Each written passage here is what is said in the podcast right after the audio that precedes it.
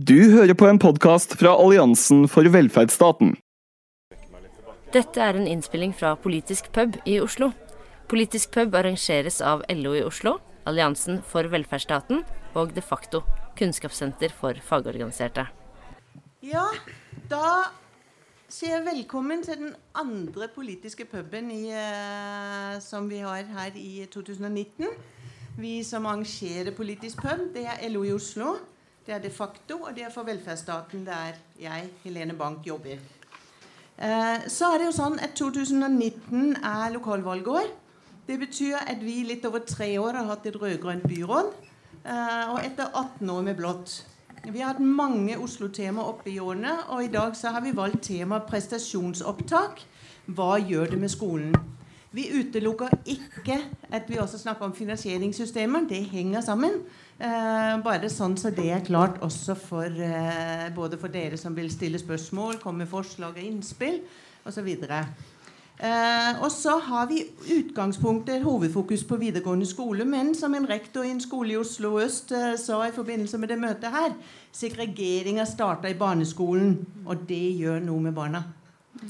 Eh, vi vil se på hva som byrådet har gjort overordna grep, eventuelt ikke har gjort.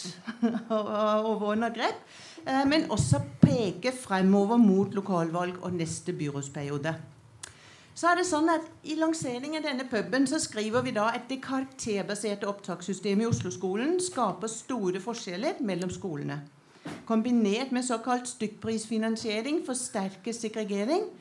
Eh, konkurransen om elevene skolene imellom legger sterke eh, begrensninger på en etterlengtet faglig debatt om hvordan vi kan skape en bedre skole.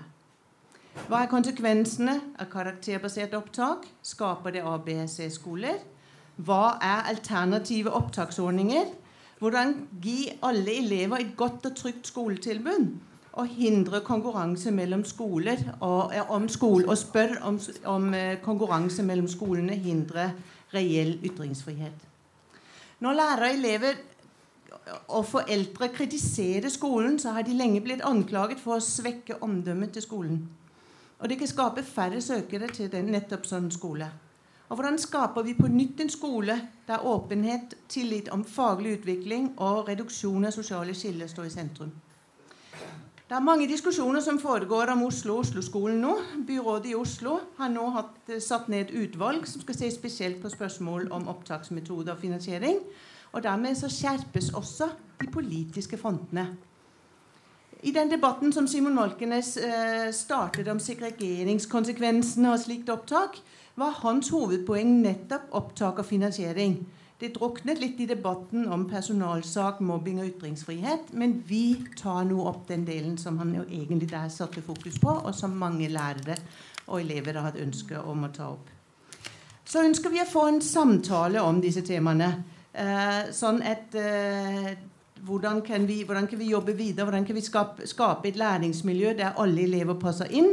Eh, og mest om videregående skole, men ikke utelukkende. Eh, og så er det jo sånn at Politisk pub eh, er vanligvis tilrettelagt for at tillitsvalgte møtes i panel og forteller om erfaringer slik at terskelen for folk eh, i salen skal bli så, den skal, så den skal bli lav for selv å delta. Ehm, denne gangen så har vi ønsket å få møte byrådet og også en forsker som tenker litt ut av boksen. Og vi har med Elevorganisasjonen, og vi skulle hatt med en forelder, men hun ble syk. Så eh, hun får være med neste gang vi har debatt. Vi holder likevel på formatet, dvs. Si vi håper at dere er med i diskusjonen. og Derfor har jeg ba oss om at vi skulle få litt mer lys enn bare mørkene i salen. for vi skulle være med alle sammen. Um, og så er vi veldig stolte og glade for det panelet vi har i dag. Vi har Marianne Nordli Hansen, som er professor i sosiologi ved Universitetet i Oslo. Eh, som kommer til å ta en liten orientering om hele problemfeltet. Eh, så har vi byråd for skoleoppvekst, eh, Inga Marte, som skal få snakke i ca. ti minutter òg. Det blir korte innledninger her. Rune Lang, leder i Utdanningsforbundet i Oslo. Nei, nestleder blir det vel? Jeg er hovedtilsvatt. Ja, sånn blir det. Eh, og så Roger Evje fra Skolenes landsforbund. Vinje. Ikke sant? Jeg trodde jeg hadde retta på dette. Beklager, Roger. Jeg skal ikke Det går bra. Nei. Og så har vi Edvard Bortli Udnes, som er leder av Elevorganisasjonen i Oslo. Som også har korte innlegg. Um, og så skulle som sagt Gunhild Nore Valdén, foreldre- og samfunns- eller skoledebattant, eh, tenkt å være i panelet, men hun blei syk. Så hun eh, hilser bare og er fremdeles veldig gjerne med i debatten. Og så leder jeg debatten her, eh, Helene Bank, som jeg heter, fra For velferdsstaten. Så tusen takk for at dere ville stille på denne politiske puben. og så håper jeg at altså dere er, skjønner at dere er like viktige som panelet. Eh, sånn at vi får en debatt etter hvert. Marianne, du får en kort presentasjon på 10-12 minutter om ulike opptaksordninger og fordel og ulemper. Jeg vet det er en utfordring for en forsker om å være så kort, men eh, formatet er noe sånn. Tusen ja, takk. Det går uh, helt sikkert fint. Eh, takk for invitasjonen. det setter jeg veldig pris på. Jeg har holdt på med det, disse spørsmålene her ganske lenge. Jeg tror jeg begynte å skrive litt, bitte lite grann i avisene om det for over ti år siden, så jeg er veldig glad for at dette har kommet litt opp igjen. Så jeg skal si litt om bakgrunnen og forskjellige skolemodeller som har vært praktisert, og hva slags skolemodeller man kan tenke seg. Uh, i Oslo så har det i hovedsak vært praktisert to konkurrerende modeller for inntak til videregående. Det er det karakterbaserte opptaket, altså såkalt fritt skolevalg, og så det geografisk baserte opptaket. Eh, et av spørsmålene til, i invitasjonen til dette møtet er jo om dette systemet med fritt skolevalg fører til A-, B-, C-skoler. Forrige gang jeg snakket om dette, så var det veldig stor uenighet om det. Og man var faktisk absolutt ikke enig i det, så vidt jeg skjønte, i dette utvalget. Men eh, jeg lurer på om ikke altså, De fleste her vil være enige om at det er veldig uheldige sider ved dette frie skolevalget. Kan også si at Dette frie skolevalget det er en del av et større politisk prosjekt om å markedsutsette offentlige tjenester. Elevene skal eh, trekkes mot skolene som har høyest kvalitet. Det skal ikke bare være konkurranse mellom elever, slik at de presterer bedre, men også konkurranse mellom skoler, sånn at de presterer bedre. Og Tidligere var det mye debatt om dette, og nå tror jeg at konklusjonen er tydelig for alle. Det fører til utvikling av A- og B- og for så vidt C-skoler. Så det er det som har skjedd. At de med høyest karakterer samler seg på enkelte skoler, de med middels karakterer på andre skoler, og de med lavest karakterer de har sine skoler. Og dette med A- og B-skoler det er ikke bare en sortering etter karakterer, det er også en sosial sortering. Det er store sosiale karakterforskjeller i Oslo. Så dette har alle fått med seg at dette har det vært veldig mye debatt om. Mye avisoppslag om uro, dårlige forhold på enkelte skoler osv. Og det toppet seg med denne såkalte, såkalte Malkenes-saken i, i 2018. Så da er spørsmålet bør man gå over til geografisk basert opptak. Det er den tidligere foretrukne modellen for venstresiden. Nå gikk ikke venstresiden tilbake til denne modellen da de fikk byrådsmakten i 2015. Begrunnelsen for denne enhetsskolen eller fellesskolen, eller begrunnelsen for det geografiske opptaket, det er ideer om enhetsskole eller fellesskole. Og da skal alle i samme geografiske område samles, uansett sosial bakgrunn.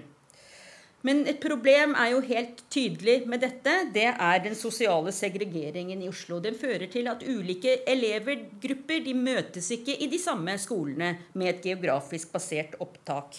Så altså et geografisk basert opptak i Oslo er et sosialt segregert opptak så er det også politisk vanskelig å gå tilbake til dette, dette geografisk baserte skolevalget, vil jeg mene. Altså, markedet har talt og fortalt at skolene i Oslo vest og sentrum er de mest attraktive.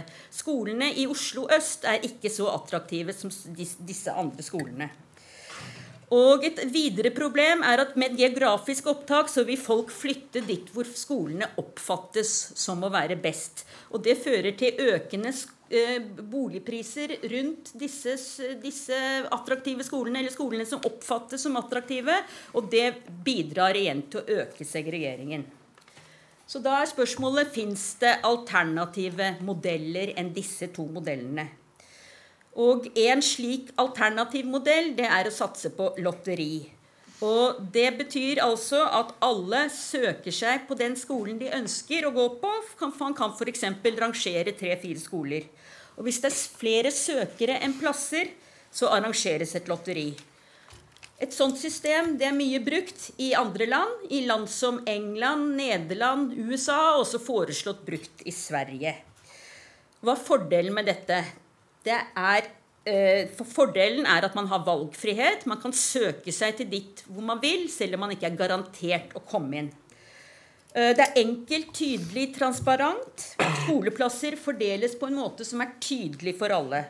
Det er nøytralt og upartisk, og alle har like muligheter. Og det er nettopp det man ønsker med skolen. Det er også mulig å arrangere et vektet lotteri hvis man f.eks. syns at eh, de som bor nærme skolen, skal ha større sjanser, eller de som har best karakterer, skal ha større sjanser, eller lignende. Så altså det kan være et enkelt lotteri eller et vektet lotteri. Ulemper med dette, altså noen ulemper er at karakterer fungerer i mindre grad som en spore til læring i ungdomsskolen. Noen vil synes dette er negativt, men andre vil synes dette faktisk er en veldig positiv konsekvens. For så var det jo en representant for Røde Kors som skrev eh, i Aftenposten for to dager siden at vi har et stort humanitært problem i Norge med det sterke karakterjaget som gjør mange syke. Det er sikkert også sånn at mange har langsiktige planer og er motivert av å f.eks. komme inn i videre studier så kan noen mene at det er rettferdig at valgene til de som har best karakterer, prioriteres. De har tross alt jobbet for disse karakterene, mens andre bare glir gjennom uten å gjøre noen ting. Er det rettferdig at de, at de skal ha like store sjanser? Uh, til det kan det sies at Karakterer er også et resultat av foreldrenes innsats, f.eks. hjelp, privatundervisning eller lignende. Så for å, bare for å ta et eksempel, la oss si det er to elever som har karakteren 4 i 8. klasse. Den ene heter Petter, bor på Oslo øst, deler rom med broren sin, har ikke noe eget sted til lekser, og foreldrene kan ikke hjelpe han med matten. På den andre siden så har man da Christian, også fire. Han har eh, rike foreldre. Eh, foreldrene hans engasjerer privatlærer til 420 kroner timen. I to år så går han to ganger i uka, for to timer i uka fra, fra, fra denne privatlæreren. F.eks. gjennom firmaer som Mentor Norge. Dette koster opp mot eh, la oss si 70 000 kroner i løpet av disse to årene. Christian får karakteren 5. Er det rettferdig at Christian skal prioriteres foran Petter? Det kan man spørre seg om. En ulempe med, med, dette systemet med lotteri er også at det er uklart hva som oppnås med det. Altså hvordan sammensetningen blir. For det avhenger jo av hvor folk søker seg. Det er valgfrihet i dette systemet. Så en alternativ, siste jeg skal si om ordninger, det er at et alternativ er en slags prestasjonskvotering. Sånn at alle søker seg til skolene eh, som de går på. Og så kan man dele elevene inn i prestasjonsgrupper, f.eks. fire grupper, etter karakternivået eller karakterfordelingen i Oslo. Så, en, så, rekrutterer man en like stor andel fra hvert av disse karakternivåene inn på hver enkelt skole. Uh, så ja, så hvis det er flere plasser, eh, flere søkere enn plasser, så kan man også bruke tilleggskriterier som eh, lotteri f.eks. innenfor hvert av disse prestasjonsområdene. Jeg har tid til bare en siste kort vurdering. altså Mine vurderinger av dette. Det er for det første at noen goder de bør ikke fordeles gjennom konkurranse. Utdanning skal sikre at alle samfunnsmedlemmene skal oppnå ferdigheter, slik at de blir fungerende medlemmer av samfunnet. Skole, skolen skal være en arena for utvikling av fellesskap, og ikke for, uh, for, uh, for, for gjerder mellom folk. Uh, for det andre vil jeg mene at valgfrihet er viktig. Det er ikke ønskelig å gå tilbake til geografisk basert opptak, bl.a. pga. dette mønsteret hvor de akkurat attraktive skolene, slik som folk oppfatter dem, befinner seg i Oslo vest og sentrum. Eh, for det tredje Eh, lotteri har en stor fordel i at det er enkelt, nøytralt og gir alle like muligheter. Jeg mener at det er viktig at lotteri utprøves i Oslo. Så kan man, så så, så det fjerde, dette med det vektede lotteriet, at man lager det litt mer komplekst, det lurer jeg på om er hensiktsmessig, for det gjør det mer ugjennomsiktig. Hva skjer egentlig? For det femte, eh, lotteri det fører til at det blir, mer usikkerhet om hva som oppnås. Man vet ikke helt hvilken skole ens eget barn kommer inn på. Og da vil det kanskje bli politisk press for at alle skolene skal bli gode. Man er ikke bare opptatt av at nærskolen skal være god, eller at, eller at uh, den skolen man tror barnet kommer inn på, skal være god, men det et, kan bli et mål at alle skoler skal være gode. Det absolutt siste det er at eh, når man nå skal ha en prosess hvor inntakssystemet endres, så, eh, så bør man samtidig åpne for at det behøver ikke være at det forslaget man kommer frem til, behøver ikke være endelig. Det er ikke sånn at dette behøver å vare i 100 år. Det er mulig å endre et system Eh, hvis man eh, finner ut at det ikke fungerer slik man hadde tenkt det. Men man kan være, være klar over og åpen for at endring er sannsynlig. Tusen takk, Marianne. Det var eh, god innledning å starte med. Inga Marte, du skrev her kun én av fem kan fritt velge skole, skrev du 6.2. Så fritt skolevalg er for én av fem. Eh, jeg så Elevorganisasjonen var sitert her i 2004. Da var det en tredjedel. Så det tyder på at det har blitt færre som faktisk fritt kan velge skole under dette skolevalgsystemet. Vil du gi en kort oppsummering eh, av Oslo-skolen frem til nå eh, innen dette temaet, og hvordan byrådet tenker å jobbe videre? Sånn ca. ti minutter. Ja, jeg skal prøve på det. Altså, når jeg sier det jeg sier, så dreier det seg om de som kan velge helt fritt på øverste hylle, og som har de aller, aller, aller beste karakterene. Eh, det dreier seg om ca. 18% Men det er jo mange som kan velge mer eller mindre på i hvert fall de øverste hyllene. Eh, og det er en større andel eh, i dag. Men det som har irritert meg lenge, det er begrepet fritt skolevalg. At det er veldig typisk. ikke sant? At, men Man kan kalle det nytale eller hva man vil. Eh, hvor du får en befolkning til å oppfatte eh, at eh, den språkbruken som du tyr til, er en realitet på bakken. Og sånn er det ikke. Så vi bør slutte å bruke begrepet fritt skolevalg, og heller begynne å bruke begrepet karakterbasert inntak. Og det vi har gjort, og som jeg syns er kjempespennende, det er at vi har nedsatt et utvalg. det er det første offentlige utvalget i kommunal regi, så vidt meg bekjent. Det er jeg litt stolt av, faktisk. Fordi at alternativet ville være at man sitter i et lukka rom og utreder, og så har høringsprosesser på vanlig måte. Det vi har gjort, er å sette sammen et utvalg bestående av både forskere eh, og representanter for organisasjoner for Oslo-skoler. Ehm, og eh, to fra Elevorganisasjonen, som jeg syns også er viktig. fordi at det er jo tross alt, altså Selv om dere kanskje syns at det fortsatt er en for liten andel, det vet jeg ikke, Edvard, så er det allikevel sånn at dere har to. Eh, men så er det jo mange voksne, da. Men de jo, representerer jo da ulike syn inn i det utvalget. Mange av utvalgsmedlemmene er her nå. Eh, jeg ser i hvert fall fire-fem med Edvard.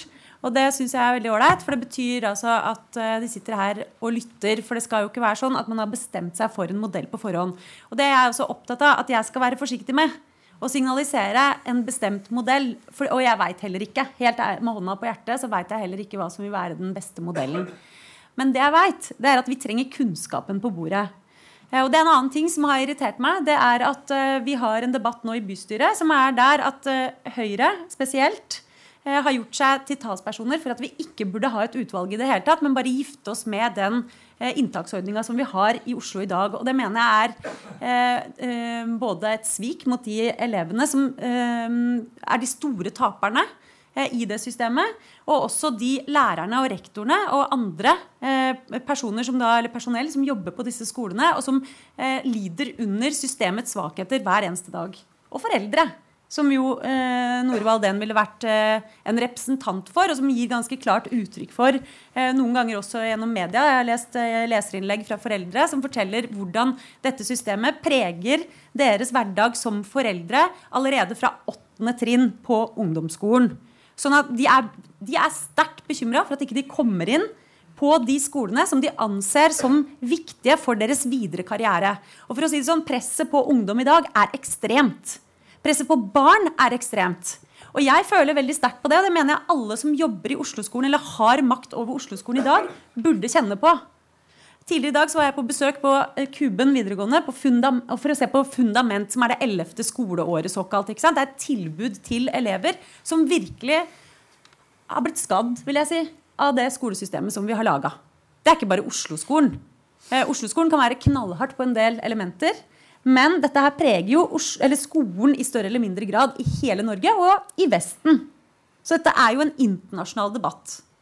Eh, og eh, det vi ser er resultatet av det, det er at en del bare mister trua på framtida, mister trua på seg sjøl, mister trua på at de kan lære noen ting. Kirkeveien videregående, også veldig spennende. Det er jo spesialtilbud. Når jeg møter de elevene som går der, som er voksne, så forteller de meg at de bare mista trua på at de kunne lære. Fordi karakterer og tester unnskyld, drepte trua på at de var i stand til det.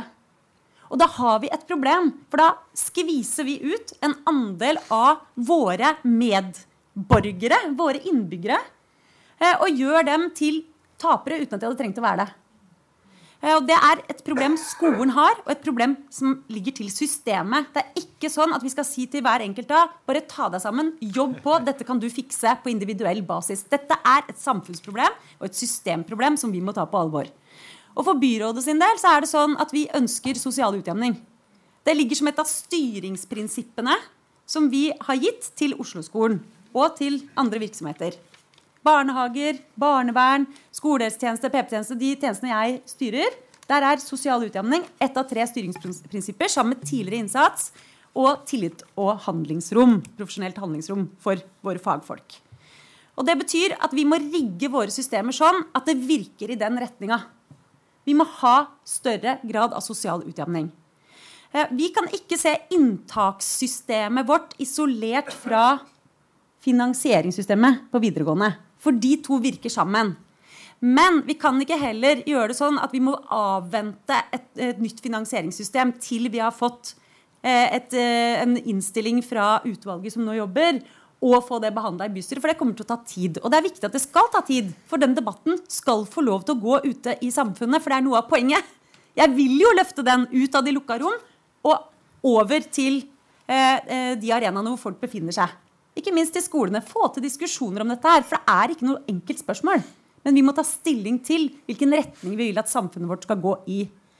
Når vi ser finansieringssystemet, som er stykkprisbasert, nesten 100 sammen med inntaksordninga, som er da karakterbasert eh, inntak med noen forsøksordninger med eh, eh, opptaksprøver og sånn, så ser vi at vi får systematisk utvikling i retning av større forskjeller mellom ungdommer i Oslo. Hvis vi vil den veien, så fortsetter vi med dagens systemer. Hvis vi ikke vil den veien, men tvert imot sørger for at flere skal klare seg sjøl, flere skal komme gjennom videregående utdanning, flere skal få beholde trua på at de også kan lære og bidra i samfunnet og være en del av et fellesskap, så gjør vi noe med det systemet. Eller de systemene. Eh, og det vi har sett når vi går gjennom Nå kunne jeg hatt en powerpoint her som kunne vist dere hva vi har sett. Men det sitter jo rektorer her som da har sett dette veldig tydelig i praksis.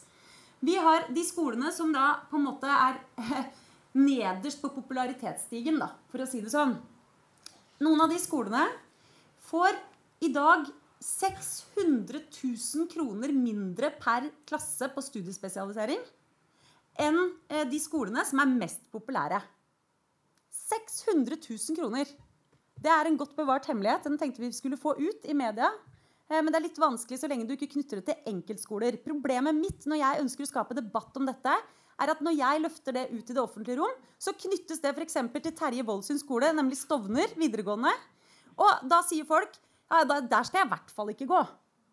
Og så får du nedadgående spiraler. Så der kommer jo diskusjonen om ytringskultur og åpenhet og omdømmeproblematikken inn. Den slår jo inn med en gang. Eller Else Birgitte Roscher Nielsen, som da bestyrte eh, Bjørnholt videregående. Som jo er en skole som har heftige utfordringer. Jeg hadde høytlesning for byrådet her om dagen, for da skulle vi diskutere ressursfordelingsmodellen fra det møtet vi hadde, som jeg synes var veldig ålreit, som jeg tror heller ikke har skjedd før, hvor jeg inviterte rektorer i Oslo-skolen eller videregående til å sitte sammen rundt et bord i tre puljer på tvers av områder i byen. Fordi jeg ville at dere skulle snakke sammen. At Nydalen eh, Nå husker jeg ikke akkurat, jeg husker i hvert fall at Elvebakken skulle møte Ulsrud, da, for å ta eh, et eksempel. ikke sant? Og eh, at man skulle da treffes og, og, prøve å forstå hverandre. Og se ok, kan vi leve med et system som så til de grader øker og forsterker forskjellene og setter skolene inn i negative spiraler, som gjør at uansett hvor god skoleleder du er, uansett hvor dedikert lærer du er, så har du et utgangspunkt i de elevene du har, som er så rått og så hjerterått at rektorer sitter og griner foran deg. Ja, det kan ikke jeg. Så det vil jeg gjøre noe med. Eh, og vi kan ikke legge lokk over den virkeligheten. Den virkeligheten må opp på bordet. Og da vil jeg også takke, eh, benytte anledningen til å takke eh, flere altså folk som sitter her, og som har deltatt inn i disse diskusjonene, og folk som sitter ute i salen, som også har deltatt i det. For det er så viktig at vi kan ha en åpen diskusjon om det uten at vi karakteriserer hverandre eller liksom sier at ja, at, at, alt er perfekt eller alt er elendig. For det er heller ikke enkelt. Men vi må i hvert fall erkjenne at vi har et problem. Så er det utrolig mye bra som skjer. Og jeg må bare gi veldig honnør til både de som jobber med, med, elever som kommer til dem, og som er så stressa at de har skuldra oppunder øra. Fordi at de har stressa seg gjennom hele ungdomstrinnet. Og er kjempe De har fortsatt det stresset i kroppen. Stresset er aldri så høyt som på tiende trinn. Bortsett fra omtrent på første videregående. Da ligger det litt lavere, men omtrent like høyt. De jobber altså på for å få det stresset ned. De bruker ganske mye tid på det. Og de er bekymra for sine elevers psykiske helse, også på disse skolene, som da er veldig populære. Men hvis du går inn på noen av de skolene som har veldig mange elever, som har eh, i bagasjen har de eh, fattigdom, de har eh, crowded, det, overfylte leiligheter, de har vold, de har krig, de har what not, liksom. Eh, og de har tryna på skolen. Mange av dem har veldig mange heftige mobbehistorier. Og det er noe av grunnen til at de ikke har klart seg så godt. Når du får veldig mange av dem, så er det en situasjon som da er blitt beskrevet uh, i mediene mye, men ikke nok. Fordi at det, det har ikke ført til inntil nå at vi faktisk har gjort noe med det. Men nå er den tida kommet. Det var det. Det var det. Ja, da blir det da blir flere anledninger. Vi kommer til å fortsette debatten nå. Eh, Rune Lang, du er fra hovedtillitsvalgt i Utdanningsforbundet. Eh, og du får syv minutter nå, og så blir det, så blir det sikkert spørsmål og kommentarer og sånn etter hvert. Også. Ja, det er veldig bra, Inga Marte. Jeg tror du har titta i manuset mitt. Eh, nei, det er eh, De tankene og de ideene og det som vi har kjempa for, det er at eh, det skolesystemet som vi har hatt nå i 18 år under det borgerlige styret, det håper vi står for fall. Både i forhold til ressursfordelingsmodellen og inntakssystemet. Jeg har prøvd å, jeg er sjøl lærer. Jeg har jobba både på yrkesfag og allmennfag på disse skolene. Både på Hellerud i 20 år, på Bjørnholt har jeg vært, og på Ulsrud har jeg vært. Så du kjenner dette her litt på ryggen sjøl. Uh, nå har jeg vært hovedtillitsvalgt i ti år, og endelig har jeg fått senka skuldra litt. For det å være lærer på disse skolene, det er tøft. Når det gjelder alle disse tingene som har, eh, dere har eh, nevnt her, det er dette med som jeg har forsøkt å lage et lite manus for meg sjøl. Det er at eh, dette med økende sosial segregering, sosial mobilitet, en delt by, prestasjonssystemet, elitisering Jeg vil nesten kalle det det. Den konkurransen om karakterene. Dette med psykisk helse, hvilke konsekvenser dette systemet gir Uh, ytringsfrihet, hvordan det også påvirkes av det systemet vi har. Uh, Vi har uh, altså omdømme og omdømme hvordan det hva som skjer med skolene når omdømmet svekkes. Jeg var på Hellerud videregående skole på 90-tallet. En godt søkt uh, skole. Så plutselig skjer det noe. Dere er et uh, program hvor Hellerud videregående skole blir omtalt som gettoskolen på begynnelsen av 2000-tallet. Plutselig så får vi eh, søkelyset på oss. Oi, det var en skole ingen skulle gå på. Og ingen søkte på Hellerud. Det er det vi ser eksempler på nå, f.eks. Ulsrud, som raser ned. Det er ingen elever som søker seg til Ulsrud. Historisk så kan vi også se på det. Hva skjer med skoler som da ikke lykkes? Jo, de skolene faktisk blir lagt ned i Oslo. Vi har eksempler på det. De siste åra som jeg har sittet som hovedtillitsvalgt, så har Bredtvet blitt lagt ned. Eh, Manglerud videregående skole har blitt lagt ned. Holt er i ferd med å legges ned. Altså det er når resultatene er sånn at det styrer hvordan skolene skal eh, bestå eller ikke bestå, så er det etter min mening en ganske betenkelig måte å se skole på. Så er det dette med ressursfordelingssystemet.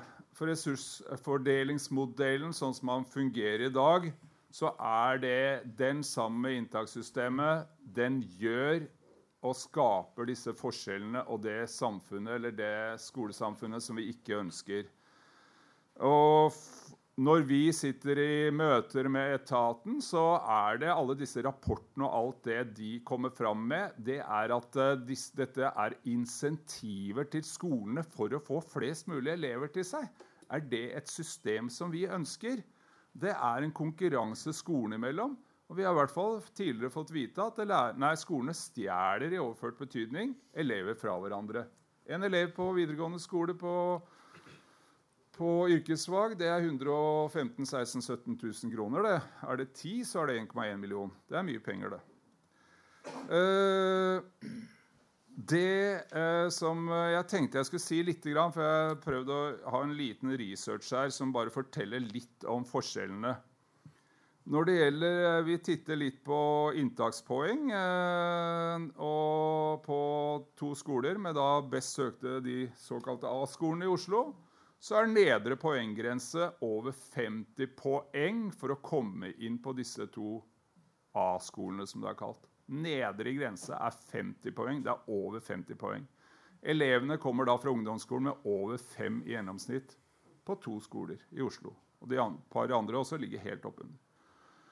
Uh, på fem uh, andre videregående skoler så er det ikke en nedre poenggrense i det hele tatt. Med andre ord alle kommer inn. Tenk deg forskjellen på de to skolene med de forskjellige typer utfordringene som er på de skolene. Systemet også skaper da veldig store forskjeller når det gjelder eh, folk med selvfølgelig da lave inntakspoeng og antall minoritetsspråklige. Eh, eksempler på lave inntakspoeng på disse A-skolene de ligger på to. To elever har lave inntakspoeng av 700-800 elever. På andre skoler da, som har eh, lave inntakspoeng, så er det Altså lave inntakspoeng det er under 30 poeng, eh, studiepoeng fra ungdomsskolen i snitt. Og de legger da er det 200, over 200 elever med lave inntakspoeng på disse lavest eller dårligst søkte skolene. Dette gir jo da en kjempeutfordring for uh, både lærere og også elever. Lærerne har utfordringer på helt andre plan eh, fra den ene skolen til den andre skolen. Og det, er, eh, kan, og det er, tøft å være også lærer på disse godt søkte skolene. Det er, eh, alle krever topp karakterer. De skal bli advokater, de skal bli leger, og de skal bli politikere, kanskje. så så, så, dette her, det er et system som etter vår mening nå endelig eh, blir tatt opp og gjort noe med. Eh, etter 18 års styre med Høyre Vi skal ikke være partipolitiske som eh, organisasjon. Det er vi heller ikke. Men det som det byrådet som sitter i dag, det, det, det dere står for, det er at vi søker og forsøker å finne andre løsninger på et problem. Og det tenker jeg er en helt annen innfallsvinkel enn det som det Torgeir Ødegaard-regimet som vi har hatt i skolen i altfor mange år, i Oslo-skolen, har eh, gjennomført. Det er også sånn at eh, Vi mener også Nå sitter det representanter fra oss også i dette utvalget hos dere. Og vi vet at det er ikke en enkel måte å finne et rettferdig system på. Så la oss bruke tid. Men tiden er allikevel sånn at uh, vi skulle kanskje ønske at dere hadde kunnet satt i gang med dette enda før. Så vi hadde endelig fått et nytt inntakssystem og et nytt ressursfordelingssystem som kunne fungert forhåpentligvis enda tidligere enn det som blir tilfellet nå. Så vårt eh, Dine betraktninger rundt hva som skal være det beste systemet, eh, det regner jeg med denne ekspertgruppa etter hvert eh, kan ende på et eller annet. Men at det blir noe helt annet enn det vi har i dag, det håper vi, og det ønsker vi. Lykke til. Tusen takk. Tusen takk, Rune. Så har vi Roger fra Skolenes landsforbund. Ja. Eh, ja. Det er jo skolenes, eh, LOs skoleforbund, sånn sett. Eh, Rune har jo sagt eh, veldig mye av det jeg har lyst til å si. Eh, så jeg tenker at jeg starter med det. Hva er det den generelle læreplanen egentlig sier for noe? Og det er jo at elevene de skal kunne utvikle kunnskap og dugleik og holdninger i samfunnet, sånn at de kan fungere når de kommer ut i arbeid. Og at de også er et fellesskap. Og da stiller jeg meg litt sånn spørsmålstegn til dette her med at folk blir polarisert. Eh, de havner på taperskoøler.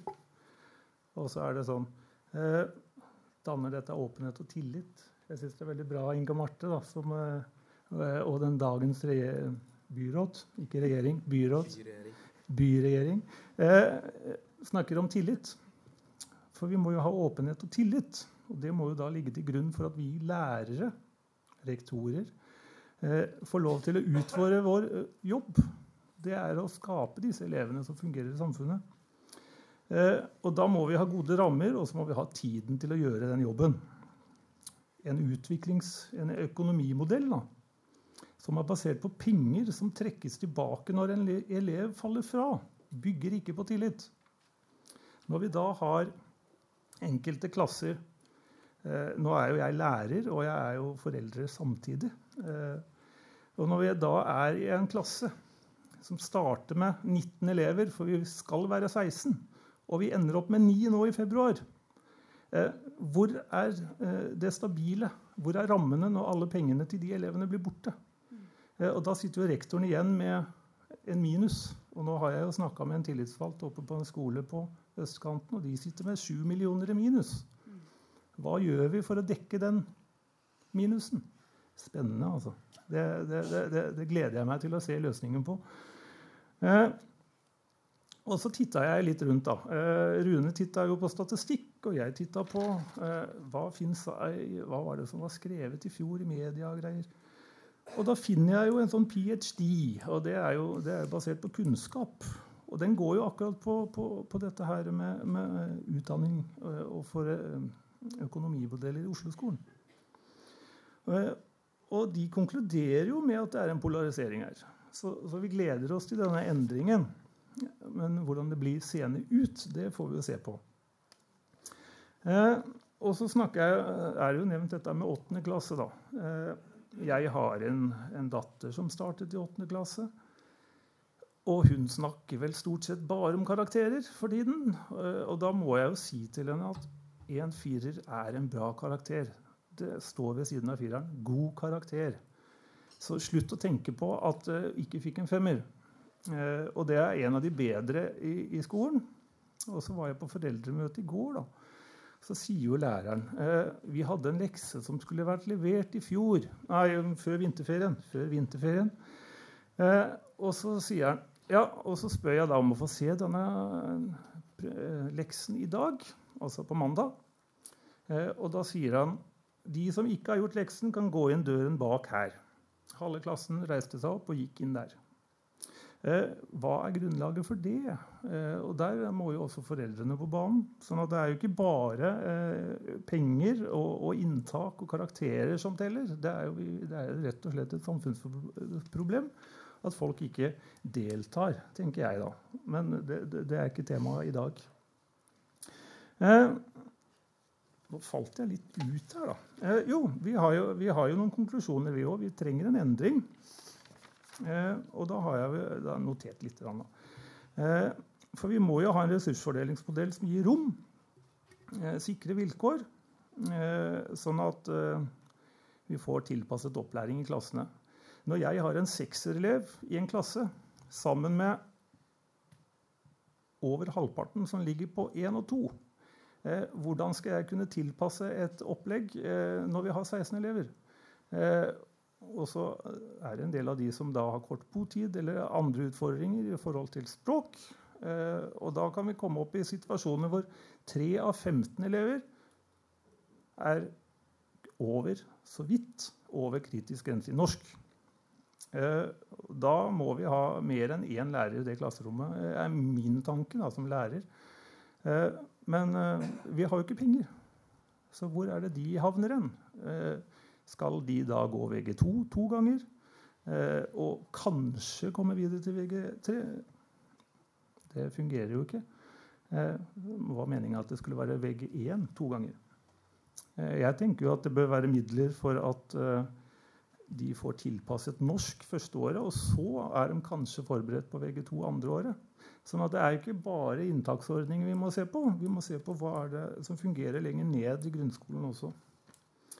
Jeg vet ikke, Prater jeg for mye, kanskje? Ja. Jeg, jeg, tror jeg, runder, jeg, tror jeg, runder, av med at vi må eh, Sånn at Elevorganisasjonen også får jobbet da, og satt, sagt sitt. Ja, spesialskolene må vi heller ikke glemme. Veldig bra Inga Mart, at du sier Kirkeveien. Så vidt jeg har sett på den eh, ressursfordelingsmodellen, så er den jo basert på stykkpris. Korriger meg hvis jeg tar feil, Rune. Eh, og, og, det blir jo litt feil når, når, det er eh, veldig andre behov på en spesialskole enn eh, en det er i ordinær videregående. Men nå tror jeg jeg skal overlate ordet til Elevorganisasjonen. Takk skal du ha, Roger. Edvard? Ja, vi kan bare gi klapp til Roger, ja. da. Uh, takk. Uh, I motsetning til dere andre uh, så starter jeg innlegget mitt med å si jeg kommer mest sannsynlig ikke til å gjenta så mye av det som har blitt sagt.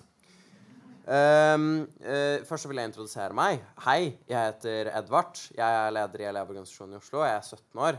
og jeg kom inn på den skolen jeg søkte meg på første, første, første valg. Bare sånn full disclosure, liksom. Um, og så vil jeg starte med å si at fritt skolevalg det er den perfekte Eh, altså Karakterbasert opptak det er den perfekte inntaksmodellen for en skole vi ikke har. Det er den perfekte inntaksmodellen for en skole hvor eh, karakterer ikke har noe å si om hvilken sosioøkonomisk bakgrunn du har, som eh, utjevner sosiale forskjeller fra dag én, og hvor alle har samme muligheten. Fordi det er veldig viktig at vi skal velge vår egen utdanningsinstitusjon. Spesielt når videregående er valgfritt. Og det er noe med det at vi søker oss vekk fra et miljø inn på et nytt et, får en ny start. Det gir oss motivasjon.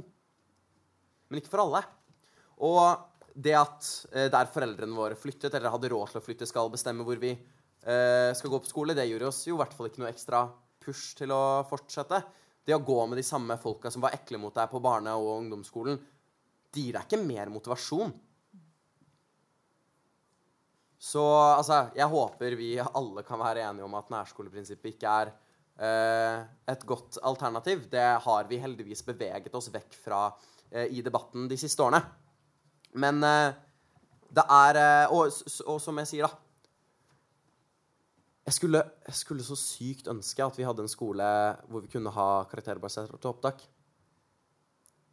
Det hadde vært så fint å uh, kunne ha en skole hvor alle kan søke det de faktisk har lyst til, ikke det de tror de kommer til å komme inn på. Hvor alle uh, føler at de har en skole som passer uh, deres identitet. Hvor uh, de får tatt de fagene de vil, hvor de får gått med de folka de vil, hvor de får vært i et område de har lyst til å gå på skole i.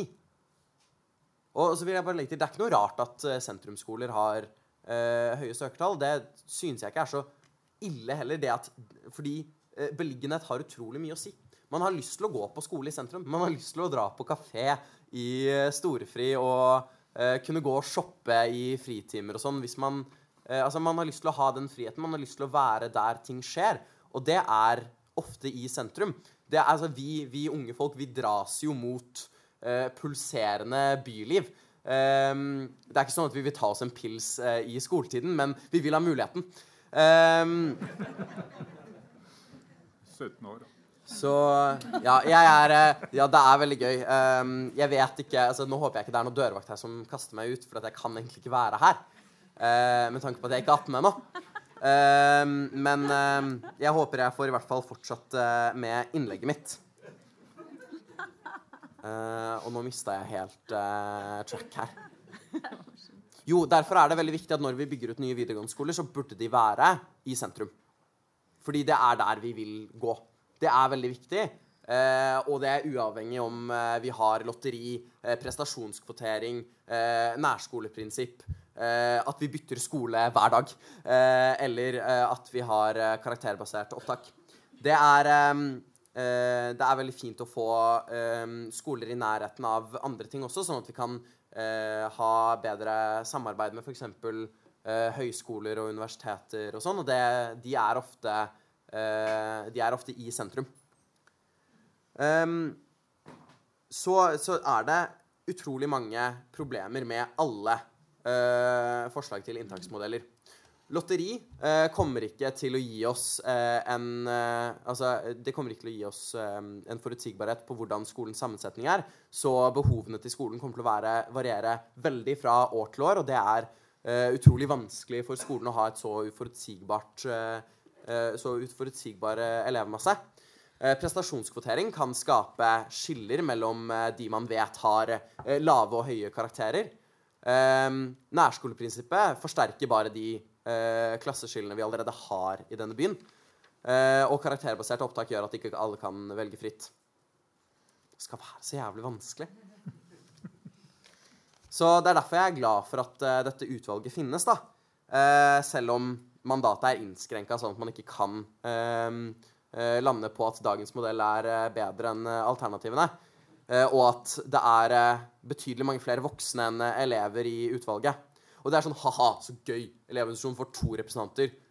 Eh, slutt å klage, jævla drittunger. Um, det er, altså, men det er, det er, veldig, det er veldig, gøy at um, i sånne utvalg hvor elevers hverdag, ungdoms hverdag, skal bestemmes, så skal det alltid være et flertall av voksne.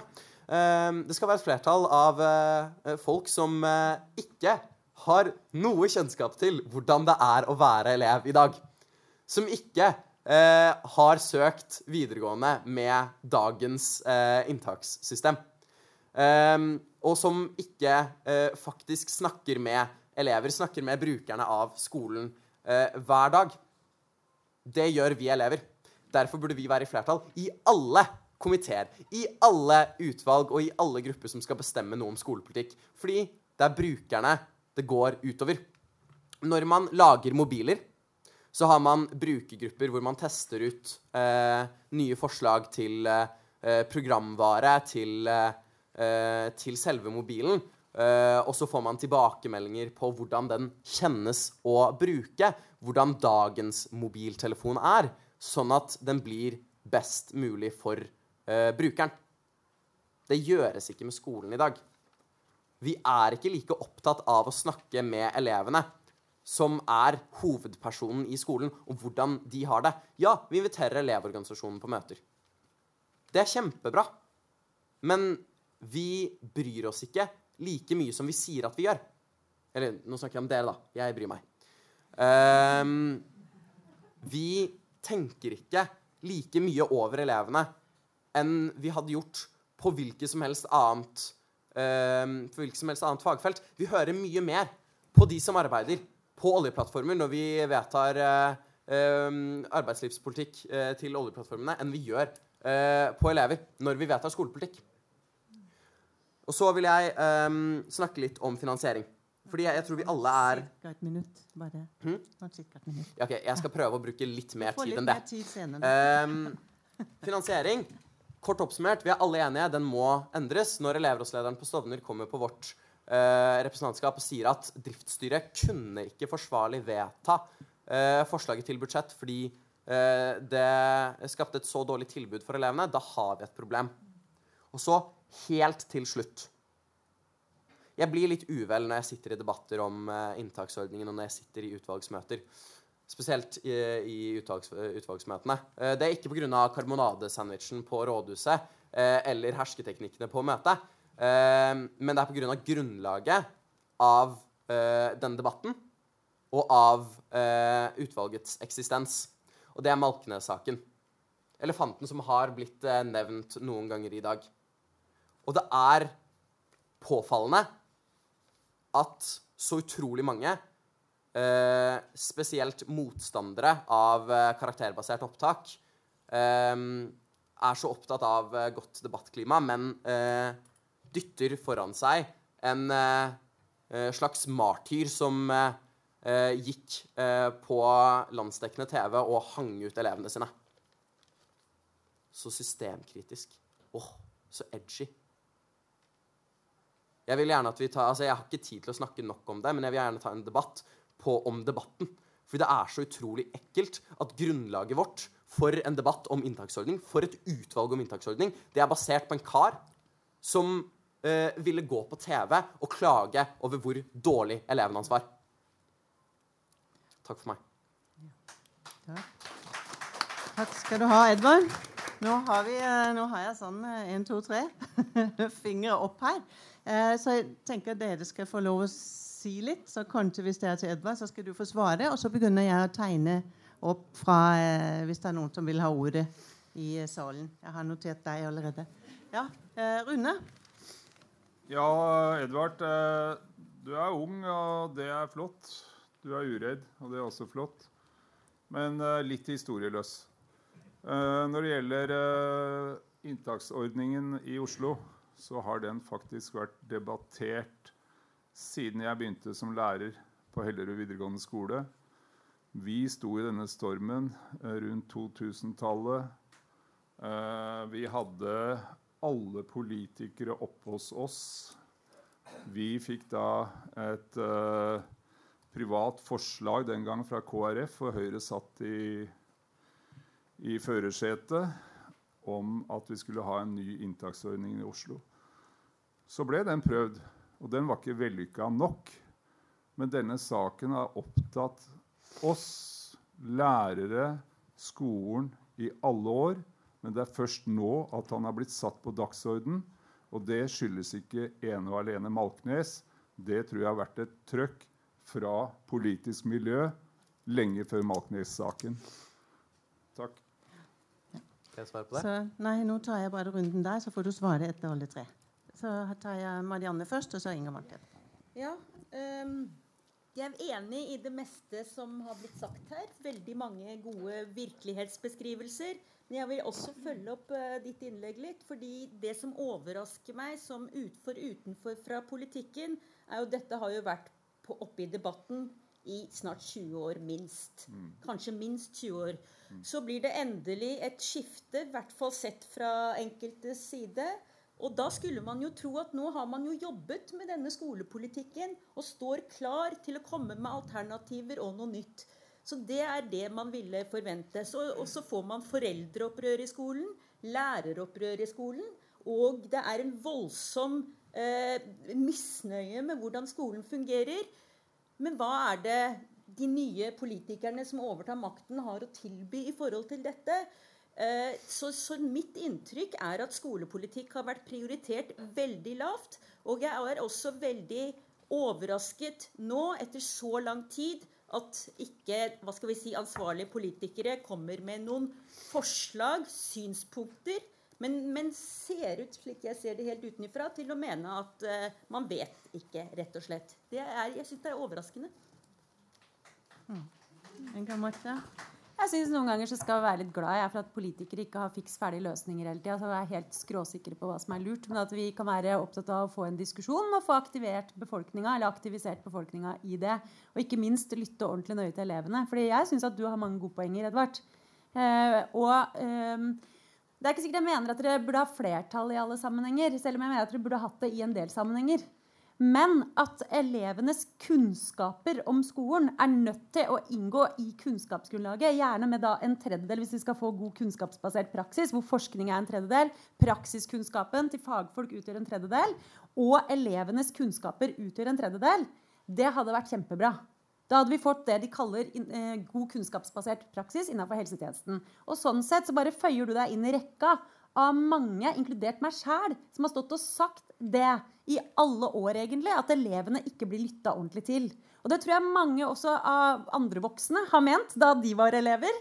Og så inntar man jo nye roller og nye perspektiver. Men det er sannelig på tide at vi hører ordentlig nøye til hva det er elevene sier om hvordan det kjennes å gå på skolen. Og da må vi høre på bredden av elever også. Det er jeg også veldig opptatt av. Eh, og så får vi se på ok, To elever i det utvalget eller fra Elevorganisasjonen er i hvert fall eh, annerledes enn det har vært før. Da. Det har gjerne vært én, ikke sant? så det er i hvert fall dobbelt så bra, da, i det minste. Så jeg får si er, er fint. Men, eh, men også vil jeg også si det, at det er jo ikke sånn at det er Malkenes-saken som er grunnen til at det utvalget ble nedsatt. Altså, det er det ikke, altså. Så det er å gjøre han litt for stor, syns jeg. Fordi at dette her er en diskusjon som vi har hatt gående som du sier eh, helt riktig, Rune, i mange mange år. Det er noe mitt parti har hatt programfesta lenge. Men vi er ikke helt sikre på akkurat hvordan systemet skal rigges. Men noen prinsipper og noen målsettinger om hva det skal føre til, det har vi. Men vi har en bosettingspolitikk i denne byen som er av en sånn karakter at det er veldig vanskelig å finne alternativet. Og så har du de skolene er jo lagt sånn som de er. Og det kompliserer det ytterligere f.eks. med Bjørnholt, ikke sant? som egentlig ligger litt i gokk, da, sett med mange elevers øyne. Ikke sant? Og hvor vi nå har satt opp en buss for at det skal være lettere å komme seg dit. Den finansierer vi da med fellesskapets midler. Men det tar allikevel lang tid å komme seg dit. Og jeg er ikke sikker på om jeg syns det er noe god idé med loddtrekning. Altså. Men jeg skal ikke forskuttere det. Jeg syns at jeg skal inn i den, eh, det utvalget og diskutere det der. Eh, men jeg syns at vi godt kan være ydmyke og så se det kunnskapsgrunnlaget og være kjempestolte av at endelig har vi et utvalg som faktisk da får opp debatten, istedenfor at det foregår i de lukka rom. For det har vi hatt mye av i Oslo-skolen. Mm. Edvard, du skal få ordet. Nå er det litt sånn, nå sier du et perfekt inntakssystem til en skole vi ikke har. Mm. Uh, og så er det liksom sånn temaer nå, selv om man gjerne kunne snakke om representasjon og sånne ting her, så blir det jo inntakssystem og finansiering. bare sånn, så, ikke sånn, Molkenes er ikke her så, gjerne men du kan gjerne få svare på det, så derfor ga jeg deg ordet før de fikk, før de fikk ordet, de andre tre. Så vær så god. Så hvis du kan komme opp her, som har tegna deg, så blir du neste i debatten.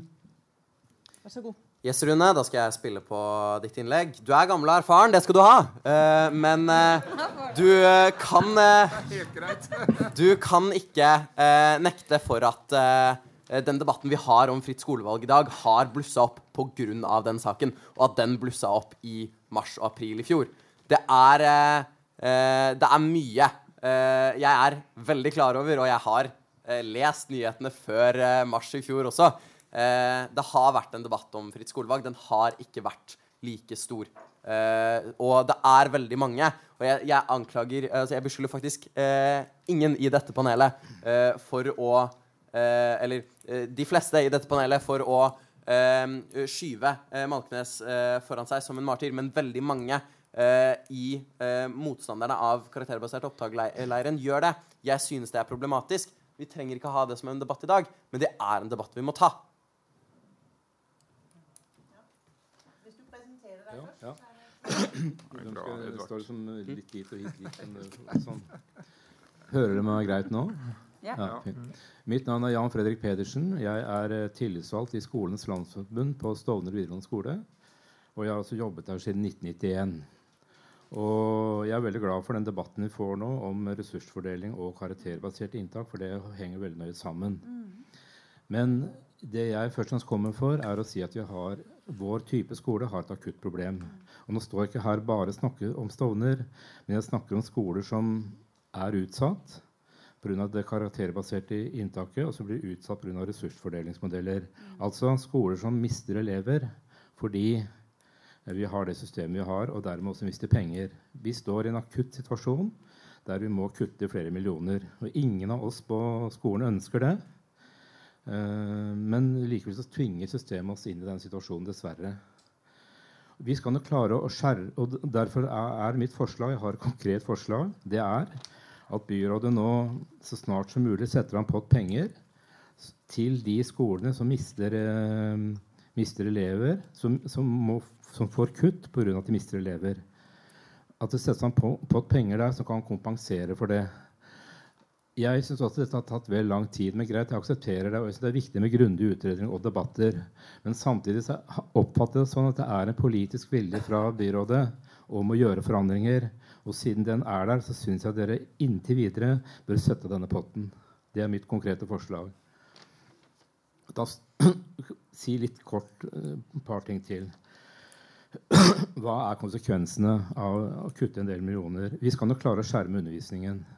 Men vi må starte med dessverre støttefunksjoner.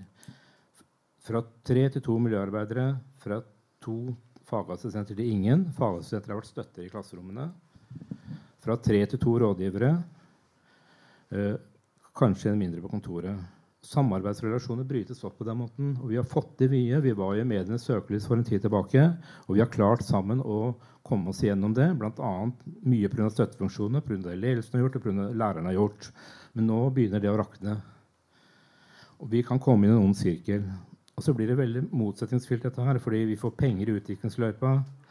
Og, vi skal, og Groruddalssatsinga er eh, sier 'fullfør og bestå', og så får vi den smellen. Det er derfor jeg går inn for den potten, som i hvert fall midlertidig kan kompensere for de utfordringene vi får. Og vi driver ikke dårlig økonomi på Stovner. Vi har etatens ord på det. Vi gikk i balanse i 2018. Vi har fulgt opp disse kuttene ved elevtellingen.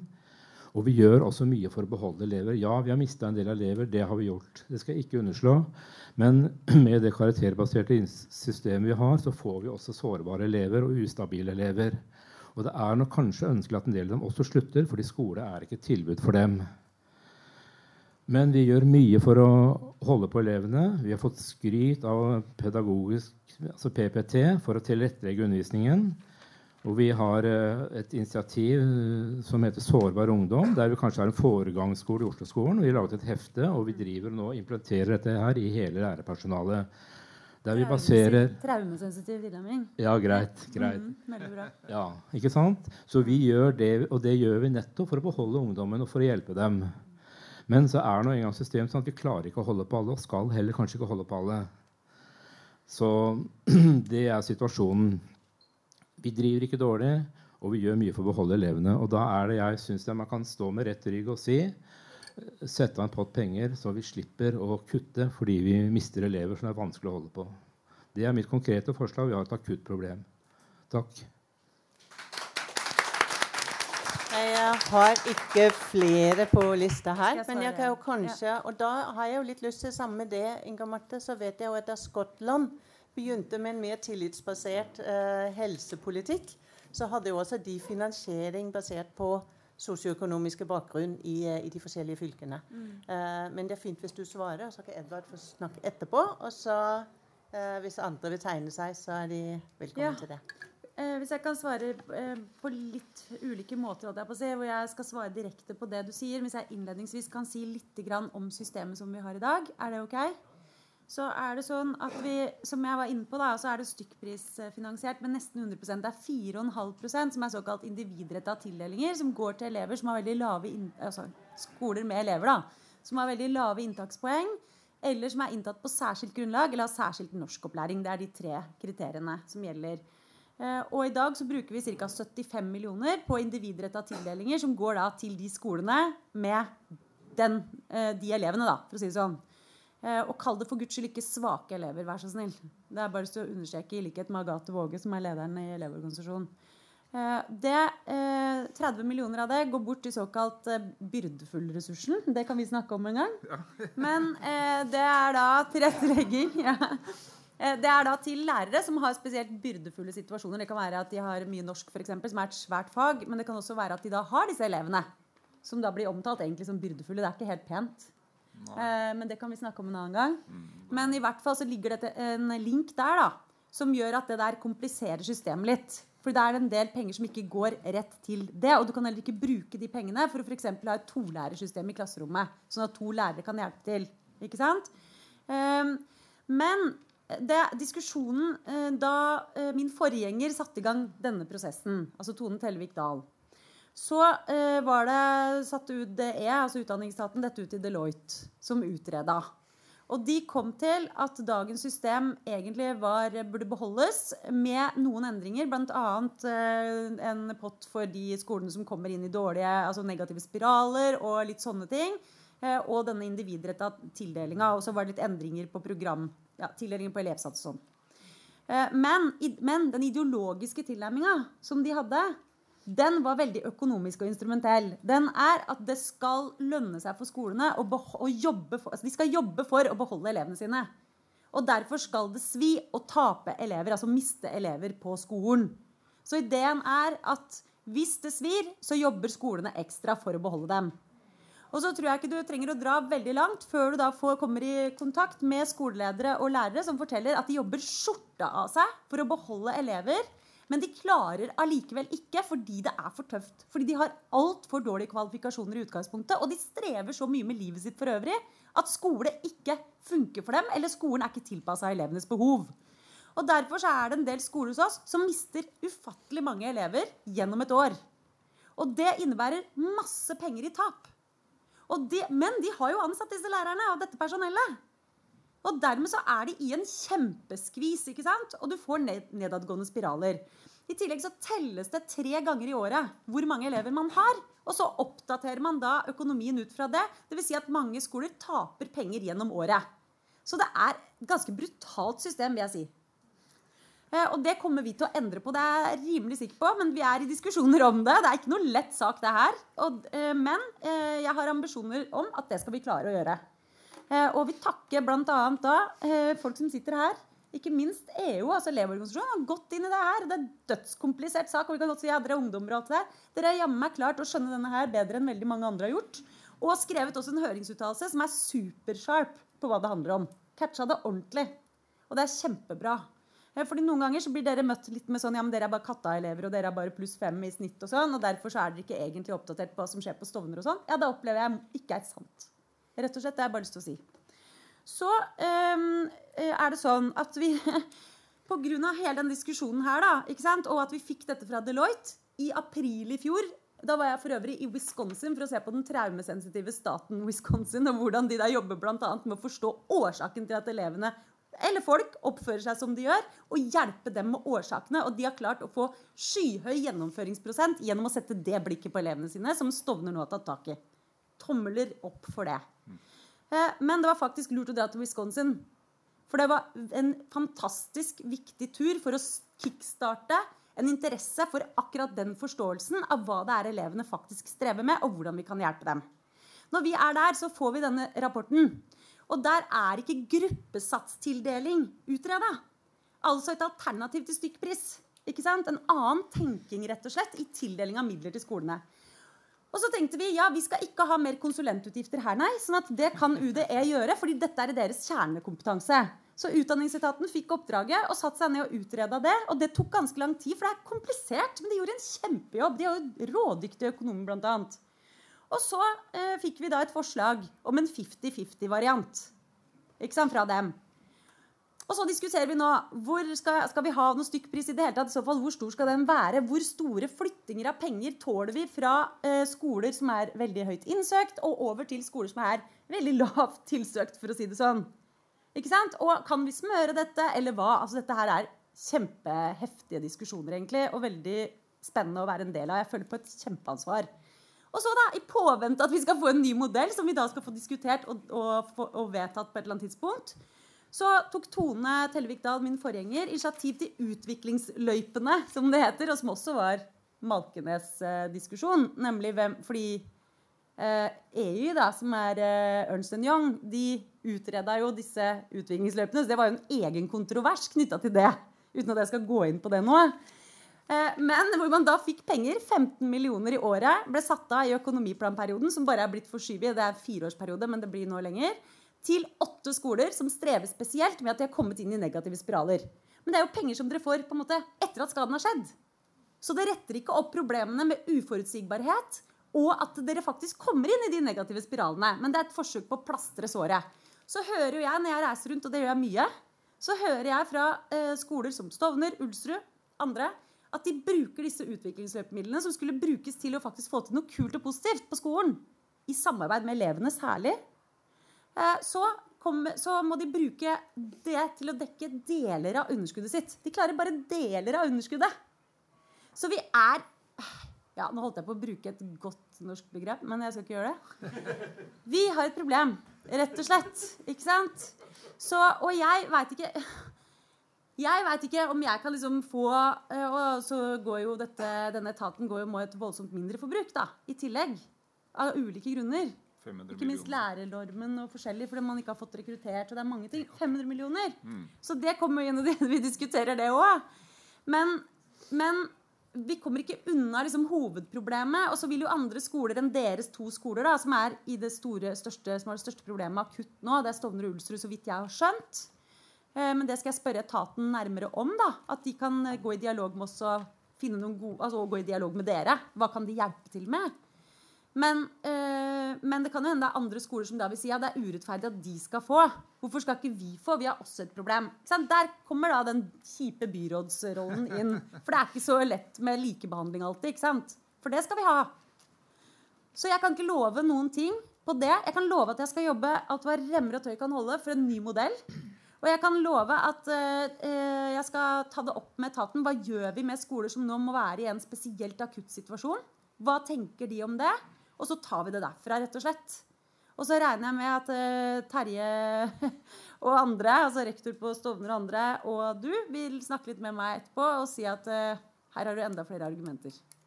Ja. Det er bra. Det var et langt svar, men jeg tror det er liksom viktig å bare skjønne litt hvordan disse systemene er skrudd sammen og hvordan ideen er, så får dere heller stoppe munnen på meg hvis det blir for mye. ja. Flott. Takk skal du ha, Inger Marte.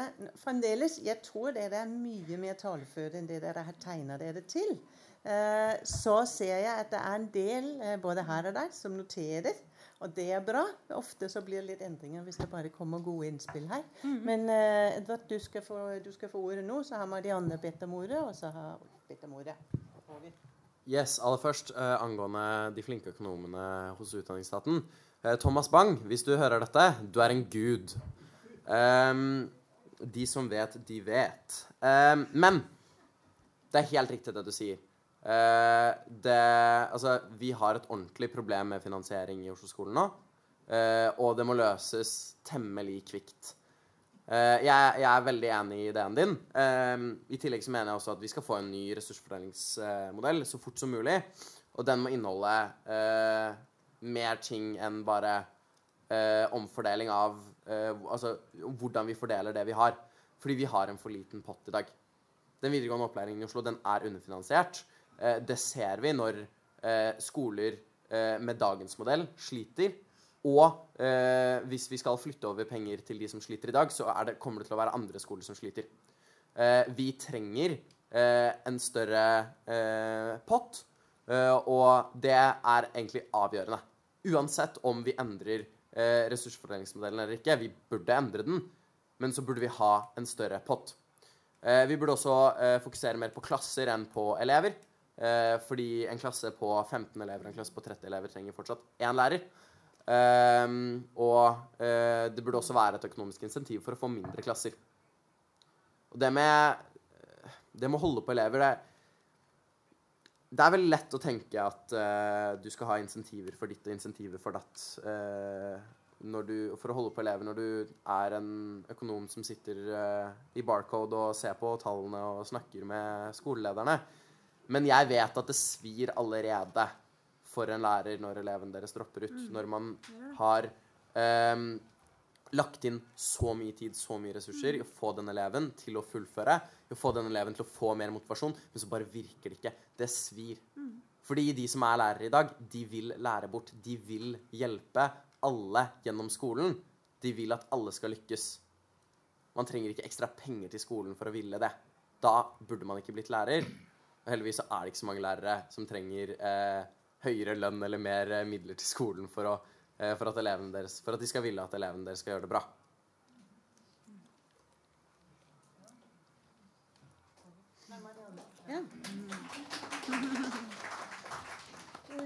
Ja. Altså denne ressursfordelingsmodellen er uh, uten tvil uh, viktig. Og uh, selvfølgelig er det veldig viktig at disse sakene løses. men jeg vil også for, forsøke å komme tilbake til disse langsiktige endringene i inntaksordningen. Og jeg vil også da si at det er absolutt ikke Malkenes-saken som har brakt dette opp. Dette har vært en langvarig debatt. Uh, igjen, Det hadde vært fint å høre noen forslag fra politiske myndigheter om dette. Uh, men jeg har forstått litt, litt, her, og det er at de fleste her i panelet er imot karakterbasert opptak. Med muligens unntak fra Elevorganisasjonen. Det står litt uklart for meg. Når det gjelder eh, lotteri, så tror ikke Elevorganisasjonen at det vil kunne fungere, fordi det blir så store svingninger fra år til år og stor usikkerhet. Det mener jeg er eh, feil. Altså det er sånn at eh, Sånne valg pleier å være temmelig stabile over tid. Man, det vil antageligvis være en overgangsperiode hvor man ikke vet hva som skjer, men etter hvert så stabiliserer valgene seg i mønstre som det ikke skal være så vanskelig å forholde seg til. Og så kommer dette med lotteri. Altså, Inga Marte, du sa at du ikke ville ha lotteri. Eh, det var et synspunkt som jeg merket meg. Eh, så da vil jeg også lure på hvorfor ikke, og er det det geografisk baserte inntaket du tenker deg? Det har vært fint å høre litt om retningen på hva man syns. Og et siste spørsmål. Eh, dette, dette, er noe som interesserer veldig mange, tror jeg. Hvordan barna deres skal ha det i skolen. Ikke bare sånn psykososialt miljø forskjellig, men også hvilke skoler de skal komme inn på, hvordan skolesammensetningen skal være. Er det f.eks. noe man kunne gitt noen antydninger om hva man ønsker foran valget? Er ikke det noe alle ville lure på når det nå skal være valg? Hva mener egentlig de politiske partiene om dette. Høyre har et klart alternativ.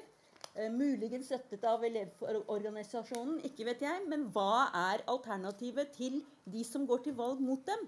Det er ikke det rimelig at eh, offentligheten opplyses om dette? Takk skal du ha, Marianne. Vi tenkte på det. Så det er fint at du understreker det. Roger, vær så god. Så har jeg tegna meg selv etterpå, så åpner jeg for dere også. Ja, jeg, jeg, jeg, tenker at skolen som en sosial integrerende samfunnsinstitusjon skal jo legge til rette for at vi slipper å ha folk rundt omkring rekende med uføretrygd og sånn. Eh, og da må vi jo ha systemer som fungerer. Eh, og dette med lærere eh, Jeg har jo vært borti lærere som henter elevene med egen bil og fyller opp bilen med, med elever, kjører dem til skolen sånn at de kommer dit. Eh, jeg har hatt elever eh, som ikke har møbler hjemme, så jeg tilbød meg da å kjøre og hente møbler på Finn for den personen det gjaldt. Eh, men jeg mistet henne allikevel. Sånn at lærere vi, vi, gjør jo det vi kan. De fleste av oss, i hvert fall. Sånn sett. Og så tenker jeg det er veldig velkommen med denne her, nye diskusjonen. Og det er jo sånn som denne her ph.d.-studenten sier eh, Ikke student, hun er jo ferdig med oppgaven, så da er jeg vel utdanna. Eh, det er jo eh, en ønsket debatt. Eh, dagens ordning den binder jo rektorene på hender og føtter. Eh, den binder lærerne, sånn at vi sier jo ikke det vi ønsker å si av og til. Eh, sånn at mulighetene for kommunikasjon blir mindre. Eh, sånn at det er jo eh, Det blir interessant å se. Eh, og jeg støtter dette her med å høre hva er det politikerne ønsker. Hva er det de går for? For det er en vanskelig diskusjon. Og så er det sånn Ja, vi vil ikke ha stykke, karakterbasert inntak. Nei, vi vil ikke ha bare ha geografi heller. Ja, vi vil ha skolene ned i sentrum. Så hva gjør vi da? Skal vi koke sammen alt sammen i en stor grøt? Kanskje. Vi får se. En megaskole. Da. Flere med. Hadde du bedt om ordet? Nei? Ja? Nei. Men så hvis du kommer opp, for du har bedt om ordet så hvis du presentere det. Da, da, kan jeg bare, Mens du kommer opp her, så stiller jeg spørsmål til deg, Marianne. For du brukte eksempelet med litt, en, en, element av loddtrekning. Eh, og da viste du til USA, til England, til Nederland. Og kanskje Sverige snuser på det nå. Eh, men andre skoler, Skottland, Canada, eh, Finland, eh, hva slags fordelingsinntakssystem er det de har? Finland. Det, der må jeg si at det kjenner jeg ikke til i detalj. du presentere deg? Og, ja, og bare se på telefonen. Det er ikke for å være uhøflig, men jeg har gjort noen stikkord. Jeg heter Terje Wilno. Eh, jeg sitter i utvalget og snakker eh, nå for egne vegne. Eh, jeg er også lærer på Hellerud skole. Jeg har lyst til å si Hellerud trekkes ofte fram som en skole som har lykkes i å snu trenden. Uh, og det er jo vi for så vidt uh, veldig fornøyd med, at vi snakkes om på den måten. Samtidig så vet jo vi at det vi har lykkes med, det er å unngå å få noen av de svakeste elevene. Eller elevene med lavest inntakspoeng. Nå er de andre steder enn hos oss.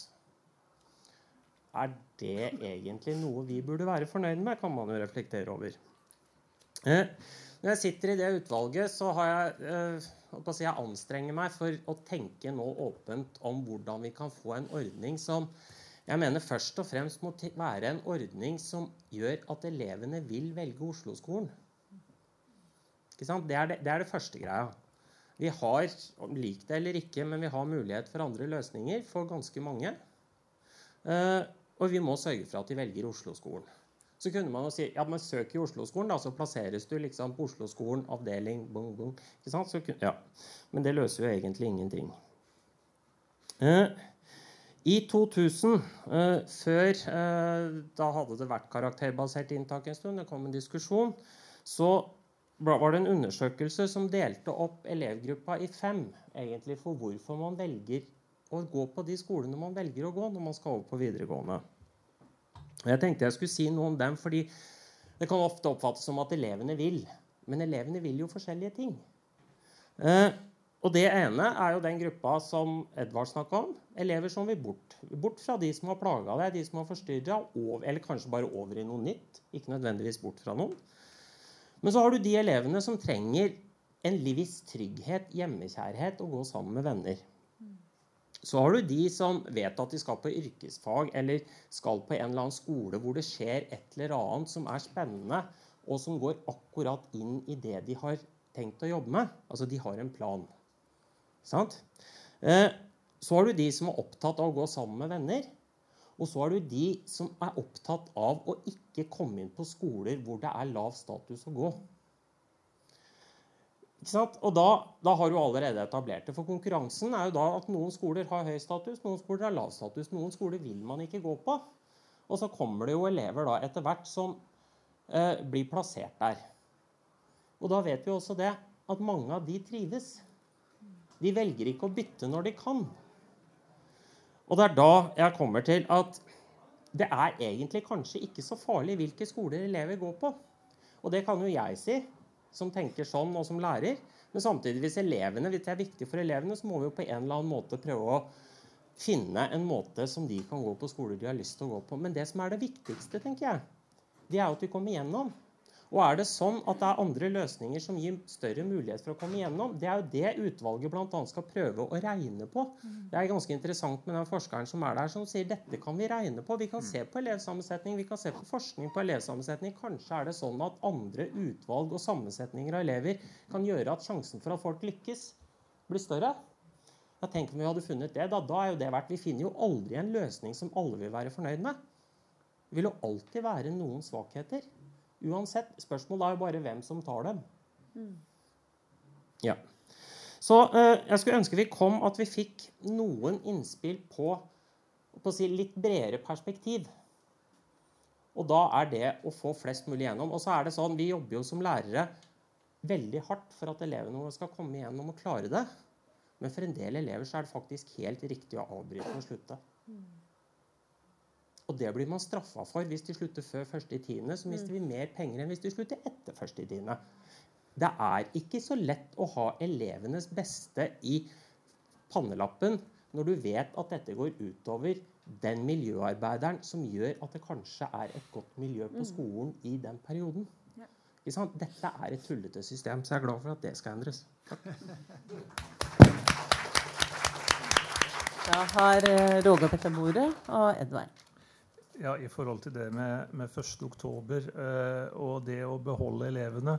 Eh, jeg har jo selv Eller om jeg har sett det. Eh, men, men jeg, når jeg går inn i en klasse av og til, så har jeg jo navn på den lista som jeg aldri har sett. Og nå er vi jo i februar, og jeg har fortsatt ikke sett eleven. Eh, og så er det hvor lenge skal den personen være på lista eh, før vi da eventuelt eh, vedtar at den personen ikke er der.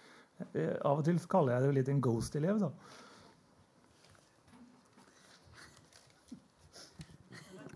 Yes, eh, veldig, veldig godt spørsmål. Eh, jeg er jo veldig enig i at alle skal fullføre. Eh, wow. Em, men, men jeg, jeg syns det er eh, Det er veldig altså, Vi må tenke veldig på valgfriheten her. Eh, Den er veldig viktig for, eh, for oss elever. Det at vi kan velge hvor vi skal gå på skole. Det har igjen mye å gjøre med motivasjon. Så jeg vil ikke at vi, eh, at vi skal eh, bestemme oss for en modell som eh, som vi har regnet ut at kommer til å få oss til å fullføre mer, eh, men innskrenke valgfriheten vår. Uh, det tror jeg kan virke mot sin hensikt. Um, så jeg er jo veldig glad i altså sånn, Selv om jeg ikke er så god i matte, så er jeg glad i å regne. Uh, jeg syns det, er, uh, det er gøy å se på, se på dette. Så klart så skal vi se på alle former for inntaksordninger som kan hjelpe oss med å eh, få høyere eh, fullføringsgrad. Eh, men dette med valgfrihet er veldig viktig. Det er veldig viktig at man eh, kan velge hvor man skal gå på skole. Eh, at man eh, får valgt seg til et miljø man føler seg komfortabel i. og hvis man da vil ha en ny start, eller hvis man vil gå med vennene sine, så mener jeg det at man skal ha muligheten til det. det og, og, det er vanskelig å finne en inntaksordning med 100 eh, valgfrihet, hvor alle kommer inn på førstevalget sitt. Men vi må prøve så hardt vi kan for at så mange som mulig får det de vil, og får velge. Og så skal det ikke, så vil jeg også at vi skal ha en Oslo-skole hvor eh, det ikke skal være ille å komme inn på andre- eller tredjevalget sitt. fordi alle skoler er så utrolig bra at ja, det går fint. Det, det skal være ordentlig vanskelig å velge førstevalg, da. Fordi du skal ville gå på alle skolene. Da har vi Var det Terje du het? Ja, hvis du kommer opp her og så presenterer deg. Tegner du deg også? Ja, jeg heter Terje Wold og er rektor på Stovner videregående, da, som har vært omtalt her. Eh, det viktigste eh, for meg egentlig er at eh, den debatten her må bidra til å fastslå at vi faktisk ikke kan ha det sånn som vi har det. Eh, ikke nødvendigvis forvente at det kommer noen kvikke fikser, for det gjør det ikke.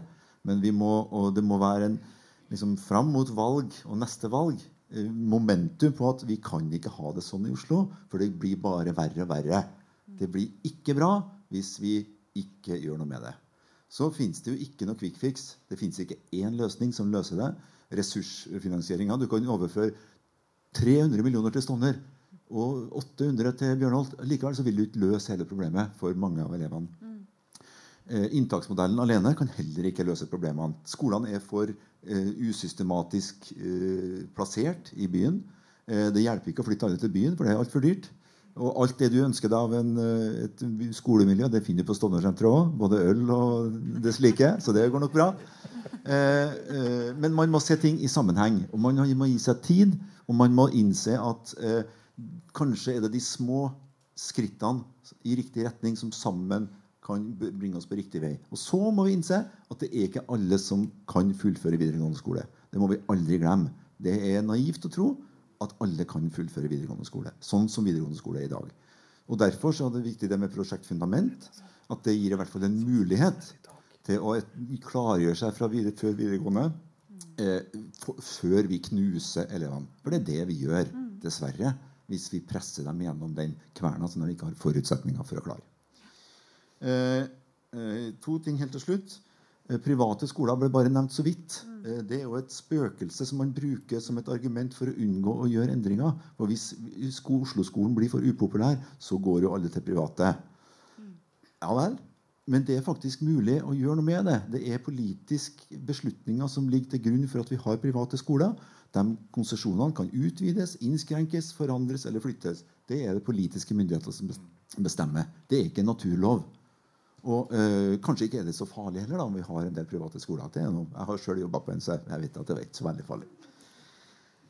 Helt til slutt øh, øh, Er det nok forskning på urban, multikulturell pedagogikk i Norge? Eh, hvor er ILS, hvor er Oslo OsloMet eh, i, i klasserommene i utkant-Oslo? Eh, på de, særlig på videregående skole. Eh, etterlyser sterkere interesse fra dem. Kjempebra. Skal du ha, Terje. Nå er det bare panelet som har bedt om neste ord. Og da tror jeg vi rett og slett skal ta oss og gå motsatt retning av det vi gjorde sist. Så har dere to minutter hver, og så lar vi det være avslutningen. Med mindre det er en eller annen her som sier 'Jeg skulle ha sagt noe'. Er det noen her? Nei. Vi fikk snakket lite om barneskole og segregering der. Den tar vi neste gang. Du har tema som du gjerne vil ha opp. Malkenes og ytringsfrihet. Eller hva det måtte være. Det kan vi ta en annen gang. Men nå tenker jeg, nå tar vi bare den runden. Og da går vi i motsatt retning med Edvard og Roger og Rune og Inga Marte og Marianne til slutt. Og så lar vi det være denne debatten. Vær så god, Edvard. Tusen eh, takk, og tusen takk for invitasjonen. Det har vært gøy å endelig få slippe inn på pub. Um, eh, jeg vil eh, gjerne avslutte med å snakke om helheter. Eh, fordi, eh, som eh, Terje sier vi løser ikke noe Vi løser ikke alt ved å endre på én ting. Det fins ingen kvikkfikser. og det er også helt riktig at ikke alle kan fullføre videregående som den er i dag. Det er fordi vi har, en, eh, vi har, et skolesystem som er darwinistisk, som er at alle skal eh, gjennom samme kverna. Survival of the fittest. Vi kjemper om de beste karakterene. Vi kjemper om å egentlig bli født hos, uh, i det beste hjem. Um, og vi har ikke en skole som legger opp til at det er uh, forskjeller mellom oss, egentlig før vi begynner på videregående. Og da er det ganske for sent. Og da legger den ikke godt nok opp til det der heller. Eh, så ja, vi skal endre på inntaksordningen. Vi skal endre på ressursfordelingsmodellen. Men det er utrolig mye mer vi må gjøre. Vi må endre på skolesystemet vårt. Fordi vi har ikke et godt et i dag. Vi har eh, et skolesystem som passer for en A4-elev som ikke finnes. Og alle andre forslag til skolesystem som finnes i dag, det er også for andre A4-elever som ikke finnes. Um, så eh, det er veldig mye som må gjøres. Vi kan eh, ta små skritt i riktig retning. Eh, det er jeg glad for at vi gjør. Um, så ja Nei, jeg har ikke så mye mer å si, egentlig. Eh, annet enn at eh, vi må eh, ikke være sånn at å, hvis en modell ikke sikrer valgfrihet for alle, så skal ingen ha valgfrihet. Det er veldig lett å tenke det når man ikke sitter der selv og skal eh, begynne på videregående snart, eller nettopp har begynt på videregående og vet hvordan det er å velge skole og starte på nytt. Um, så vi må være veldig obs på det. Det kommer til å være Elevorganisasjonens aller største um, uh, kampsak i dette utvalget. Det er valgfrihet. Det vet allerede utvalget etter to møter. Um, at det kommer vi ikke til å rikke ved. Vi skal kunne velge skole selv. Da skulle vi kunne ha mer valgfrihet enn vi har i dag. Og så kan vi ta, eh, ta og sette oss ned en annen gang og bare endre på skolesystemet. Takk for i dag. Ja Avslutning. Ja, hva skal vi si? Vi snakket om grunnskolen.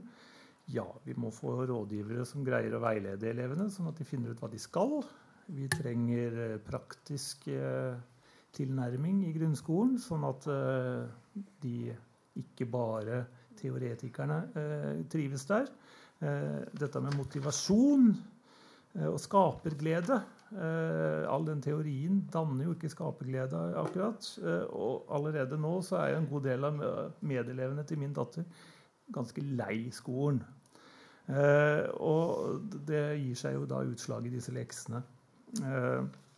Og så er det jo da ut, eh, denne modellen. Den må jo endres. Inntaksordningen. Det blir spennende å se hva som skjer der. Og vi er jo, vi er jo med der, vi også. Eh, så dette blir spennende. Eh, men i forhold til disse her økonomiske rammene Ja, taket må økes. Enkelte spesialskoler, der ser jeg ikke poenget med tak. For der er jo hver enkelt elev så veldig spesiell. Da, da kan vi jo bare nevne Kirkeveien. Eh, og så er det jo her, dette med rammekutt. Eh, vi får med den ene hånden, og så får vi rammekutt med den andre. Eh, og da er jo vi like langt. Så det skjønner jeg jo heller ikke. Så det er vel kanskje de avslutningsvise ordene jeg har å komme med i dag. Og vi ser fram til at vi får en skole som passer for alle. Det, det, blir, det blir, fint. Så må jeg jo bare avslutte med å si takk for meg, jeg også.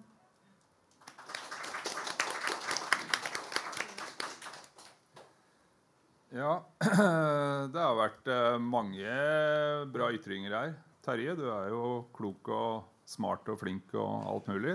Det, er veldig bra. Mange utfordringer. Eh, det som eh, jeg syns Elevorganisasjonen eh Dere representerer 100 av elevene.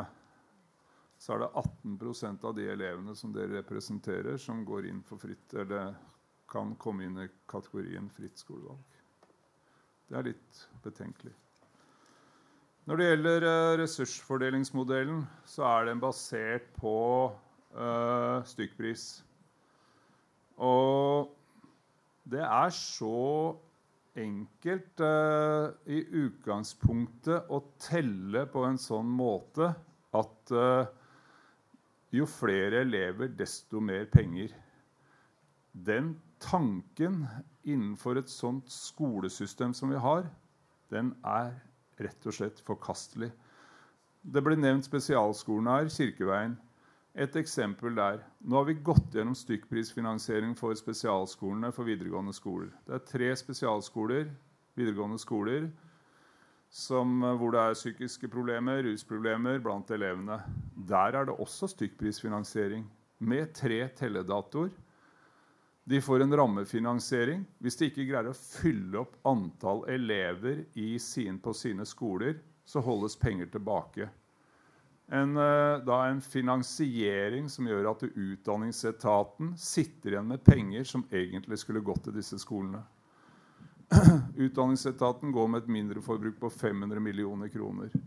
Så her er det noe som ikke stemmer helt i, for, i forhold til sjølve fordelinga om det er modellens skyld eller knallhard, sterk økonomisk styring fra ledelsen i Utdanningsetaten, det veit jeg ikke.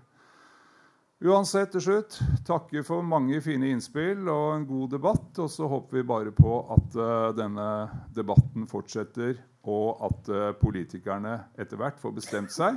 Og så ønsker jeg at dere får fortsette i neste periode. Det var personlig. Inga Marte. Jeg merket den spredte applausen, men eh, Jeg syns eh, det er utrolig spennende, det her. Altså, det er noe med å overta et system etter 18 år med ett styre. Altså, kan man si, det har jo vært forskjellige fargesjatteringer på det, for så vidt, men retninga har vært rimelig klar.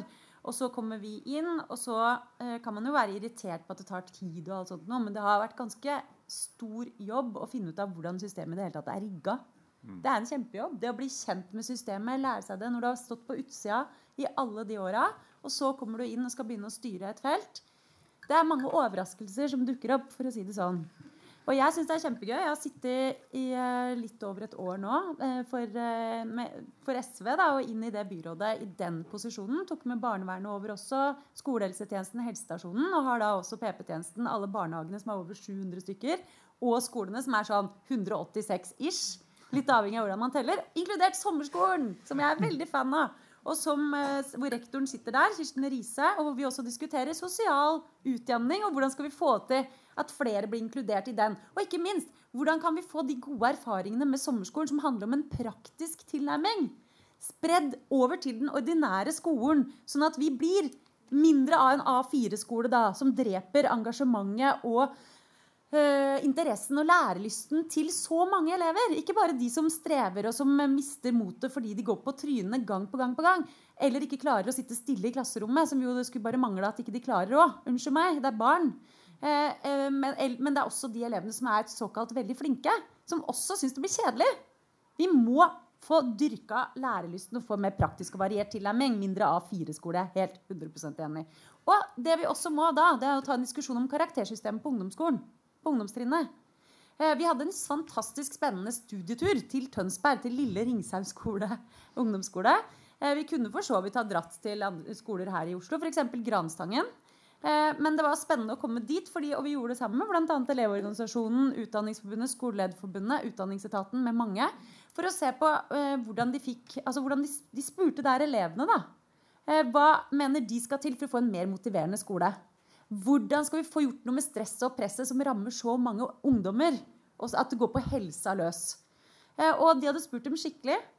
Eh, og dette ønsker jo vi å gjøre også. Vi snakker mye om hvordan vi skal rigge det der. Eh, for at vi skal få gjort noe med de elementene som gjør at ungdom mister motet. I Tønsberg hadde de valgt karakterer som et av de områdene som de vil gjøre noe med, og lekser. Fordi det dreper lærelysta. Og det er veldig rart at vi har en tilnærming til barn som er så instrumentell og utapåstyrt, med veldig mye belønning og strafftenking fortsatt. Konsekvenspedagogikken står ganske sterkt i norsk skole fremdeles. Mens vi har gått bort fra det i arbeidslivet og tenker helt annerledes om det. Og der vil vi ha tillit der vil vi ha handlingsrom osv. Der snakker vi om å ha lyst til å gå på jobb. Ja vel.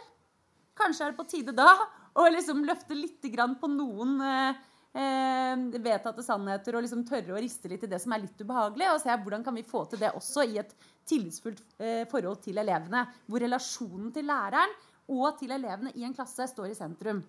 Så jeg gleder meg til. Og jeg skal også ta med det der med urban multikulturell pedagogikk. Og der bør vi også ta med dette med sammensetning på skoler. For det har vi forskning på. Nabolag som er sammensatt, skoler som er sammensatt av ulike folk, bidrar mest til eh, sosial Hva heter det Mobilitet. Ikke sant? Så det er jo kjempeviktig. Og det er sånn at det er ikke bare bra for de elevene som liksom strever, og sånn, men det er også bra for de elevene som gjør det bra. Da har jeg lyst til å avslutte med en historie fra en videregående skole som var så, det var utrolig fint. Synes jeg. jeg skal ikke si hvem det var, men vi hadde kjempefantastisk møte der hvor vi satt med tårer i øya. Og det, var, eh, og det har skjedd på mange skoler, må jeg bare si, for det er så mye nydelig der ute. Og et nydelig engasjement eh, hos masse folk. og så eh, sier elevene dere må slutte å ha elevsamtaler med oss som bare handler om fag. Dere må begynne å bry dere om hvordan vi har det, sa de.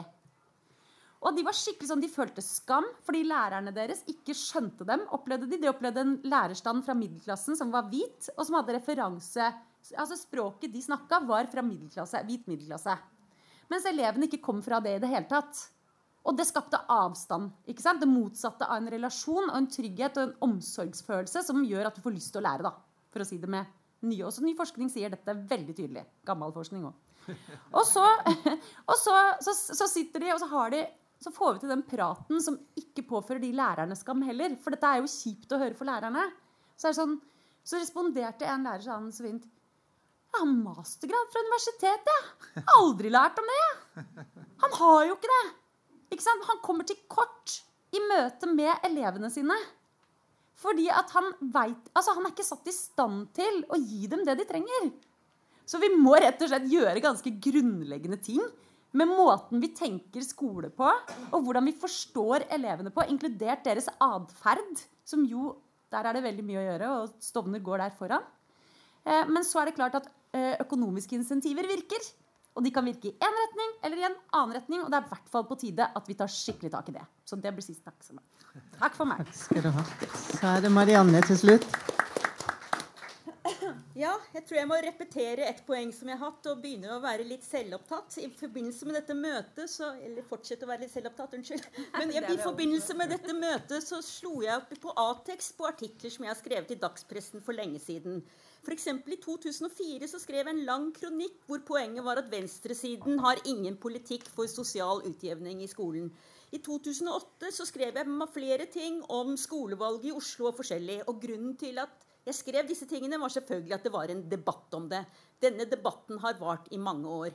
Jeg vil fremdeles si at jeg ser ikke noe tegn til at venstresiden har noen god skolepolitikk for dette.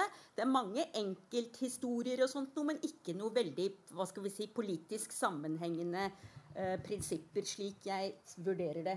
Så er spørsmålet hvorfor er det det. Det tror jeg er fordi at Høyre har hatt eierskapet i skolepolitikken og drev venstresiden tilbake for en del år siden. Og så hadde f.eks. Eh, Oslo Høyre hadde noe i forrige valget vel, at de hadde eh, sitt slagord. Det var 'Oslo-skolen er Høyre-skolen', og det er Høyre stolt av. Og så kommer da venstresiden inn og overtar. Og hva skjer da? Nei, man applauderer og sier at denne skolen er jo helt fantastisk. Det er Høyreskolen. Det er f.eks. et tegn på litt svakhet, slik jeg ser det, og når man ikke har noen tydelige, ty, ty, tydelige, tydelige forslag som ennå ikke har kommet frem etter alle disse årene. Så vil jeg bare si et siste lille poeng. Det er i forbindelse med dette privatskoleargumentet som man da ofte hører. Jeg syns det var et veldig godt poeng du hadde med det. Så kan jeg bare sammenligne. Det er en sånn debatt uh, som ofte har vært om velferdsstaten. Så er det noen som mener burde vi ikke ha behovsprøvde ordninger, for det er jo mye mer effektivt. Og så sier da mange som vil forsvare velferdsstaten, vi kan ikke ha det. Vi må ha universelle ordninger fordi at middelklassen må også få tilgang til offentlige goder. Hvis ikke de får tilgang til offentlige goder, så vil de forlate eh, dette prinsippet og gå for private ordninger. Og i dette privatskoleargumentet, det er ikke sånn. For det argumentet der, det er jo at hvis middelklassen eller overklassen skal støtte opp om skolesystemet, så må de få et bedre gode enn de andre. De må få det mye bedre. Og det er et veldig rart argument og syns er så uproblematisk og så overbevisende. Så det syns jeg man bør drive tilbake, og gjerne på måter som du foreslo. Altså at man kan regulere, man kan ha opptaksordninger på, på disse private skolene og gjøre det meste. Ellers så slo jeg opp også hvor mange elever går på private videregående skoler i Oslo. Det er På studiespesialisering, så vidt jeg kunne se på Statistisk sentralbyrå, er det ca. 10% og det var det også i 2001. Så det har vært ganske stabilt. Er det lov å få en liten saksopplysning? Nå har Edvard bedt om et ord, og så har Inge Marte bedt om et ord. Hvis dere er veldig korte, men da er Edvard først. Da er Edvard først. Og så er det Inge Marte etterpå. Og så tar jeg det siste ordet. Edvard. Rune, møt meg gjerne med ordentlige argumenter, men hold deg for god for å stille spørsmålstegn med representasjonsgraden av min organisasjon. Den er grei. Inga Marte? Ja, altså Jeg kan godt uh, beklage det hvis du følte at uh, dette var forulempende eller nedverdigende i forhold til hvordan vi ser på dere. Så kan jeg beklage det. Mm. Inga Marte? Ja, eh, jeg skulle egentlig bare si at venstresida er jo ikke bare Arbeiderpartiet, f.eks. Eh, og det eh, Jeg mente ikke det heller. Nei, men ikke sant? Det er flere partier, da, for å si det sånn. Og jeg syns jo det er en veldig egentlig helt fantastisk at vi har fått nedsatt dette utvalget. For det lå ikke inne i byrådserklæringa at vi skulle gjøre det. Sånn at vi Jeg mener jo at det vi gjør nå, det er jo det helt rette å gjøre når man ikke er helt sikker på hvordan man skal lande en sak. Få debatten ut i det offentlige rom. Ikke vær så innmari låst, men vær åpen og ydmyk, og ikke tro at du har alle svarene på forhånd. Da takker jeg dette utvalget for uh, en god debatt. Vi skal ha flere åpne sånne debatter, og det kommer vi til å fortsette med også i, uh, i, um, i Politisk pub. Så har jeg da sagt for at den skolen skal være som opplæringsloven sier, gjøre gagnsmennesker ut av folk, og ikke minst utjevne forskjeller, og i det hele tatt ha kulturforståelse, så har vi valgt da, Flere har nevnt boligpolitikk her, og boligsetting. Så derfor får ikke dere en skolebok. Dere får Bygården, som Manifestet har gitt ut, og som egentlig er både skolepolitikk, bosettingspolitikk og skole er klassepolitikk må aldri, aldri, aldri glemmes. Så dette blir innledergaven her. Og så takker vi for dere, og så håper jeg at dere får enda mye mer debatt nå her etterpå.